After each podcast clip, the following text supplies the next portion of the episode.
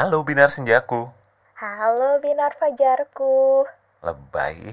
Kamu yang mulai. Aku kesambet apa ya? Kamu gak kesambet, Bi. Cuma lapar. Lah kamu ketawa terus. Lapar juga ya? Enggak lah, aku kan gak sahur, tapi Ah, sarapan. nggak mau tahu. Nanti sore kamu harus kirimin aku es campur ya. Iya, siap Pak. Ada lagi?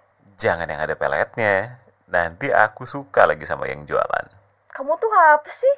Tiap dikirimin makanan, kepengen ada peletnya mulu. Emang kamu ikan apa dikasih pelet? Beda pelet gitu.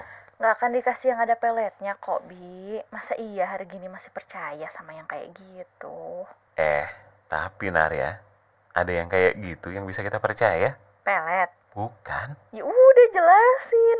Kamu nggak mau nanya dulu itu apa? Enggak, udah buruan cerita. Ah, nanti aku video call lagi makan es campur nih. Jangan dong. Ini masih siang. Ya udah jelasin. Kalau pelet mah ya udah lah ya. Kita lewat aja. Udah buruan aku kirim es campurnya sekarang nih. Eh, jangan dong. Aku tuh mau cerita penting. Suruh cerita dong. Jangan disuruh batalin puasa. Binar Fajar, astaga. Kita putus aja gimana? Jadi gini, Nar. Kamu sering denger kan kalimat kita bakal panen apa yang kita tanam. Heeh, Kalau kita nanam kebaikan, kita bakal panen kebaikan juga. heeh. Nah, kemarin aku tuh nemuin dompet jatuh gitu di depan kantin. Terus aku bawa ke bagian informasi. Terus sama bagian informasi diumumin gitu pakai speaker. Yang di parkiran, yang di lobi utama, yang di tempat pendaftaran. Pokoknya disounding di tempat yang ada speakernya. Terus singkat cerita baliklah itu dompet ke yang punya. Nah, si bapak satpam ini ngasih tahu ke yang punya dompet kalau aku yang nemuin. Terus aku dibeliin kurma 4 toples. Setengah kilo gitu masing-masing toplesnya. Wah, 2 kilo dong. Nah, pas di jalan balik, pas lampu merah di perempatan menua bersama itu, ada bapak-bapak di bawah lampu merah gitu lagi duduk sambil nyender. Dia meluk dua lutut gitu terus nunduk. Di sampingnya ada wadah gitu isinya kanebo. Terus kamu beli? Enggak, kan aku udah punya. Tapi aku ngelihatnya kasihan gitu, Nar. Keingetan bapak di rumah. Terus aku samperin. Aku kasihin deh satu kotak kurma. Kamu turun dari motor. Iya, Motor kamu tinggalin gitu aja.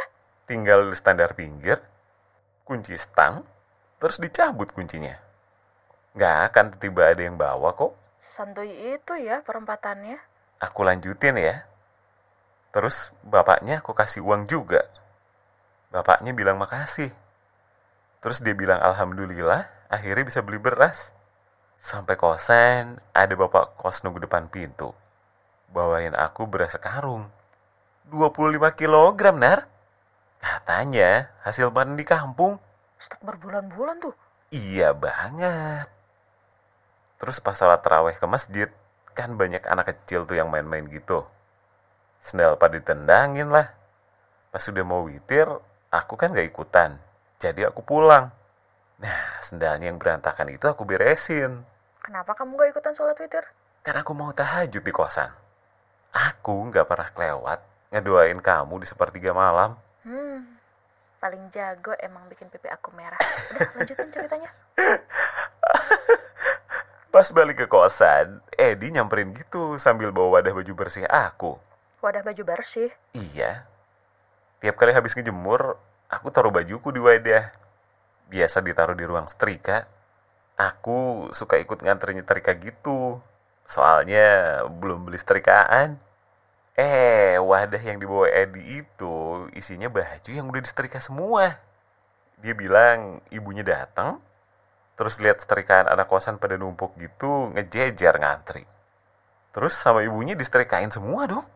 Dari subuh sampai maghrib. Wow, Setelah aku runut, aku baru sadar.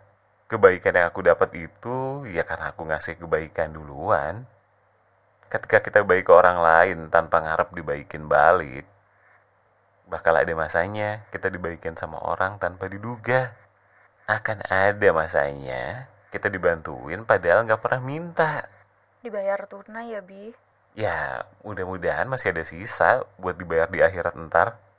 Kalau dihabisin di dunia semua, nanti aku nggak punya tabungan dong. Tapi baik sama orang itu susah loh, Bi. Apalagi ke orang yang julid sama kita. Bawaannya pengen julid balik. Baikin aja, Nar. Orang lain julid ke kita itu bukan berarti kita boleh julid sama mereka. Kalau kita julidin balik, berarti kita sama jahatnya sama mereka. Ya, tapi tetap susah, Bi. Ya belajar, Nar. Ilmu kehidupan gak akan habis buat diterapkan.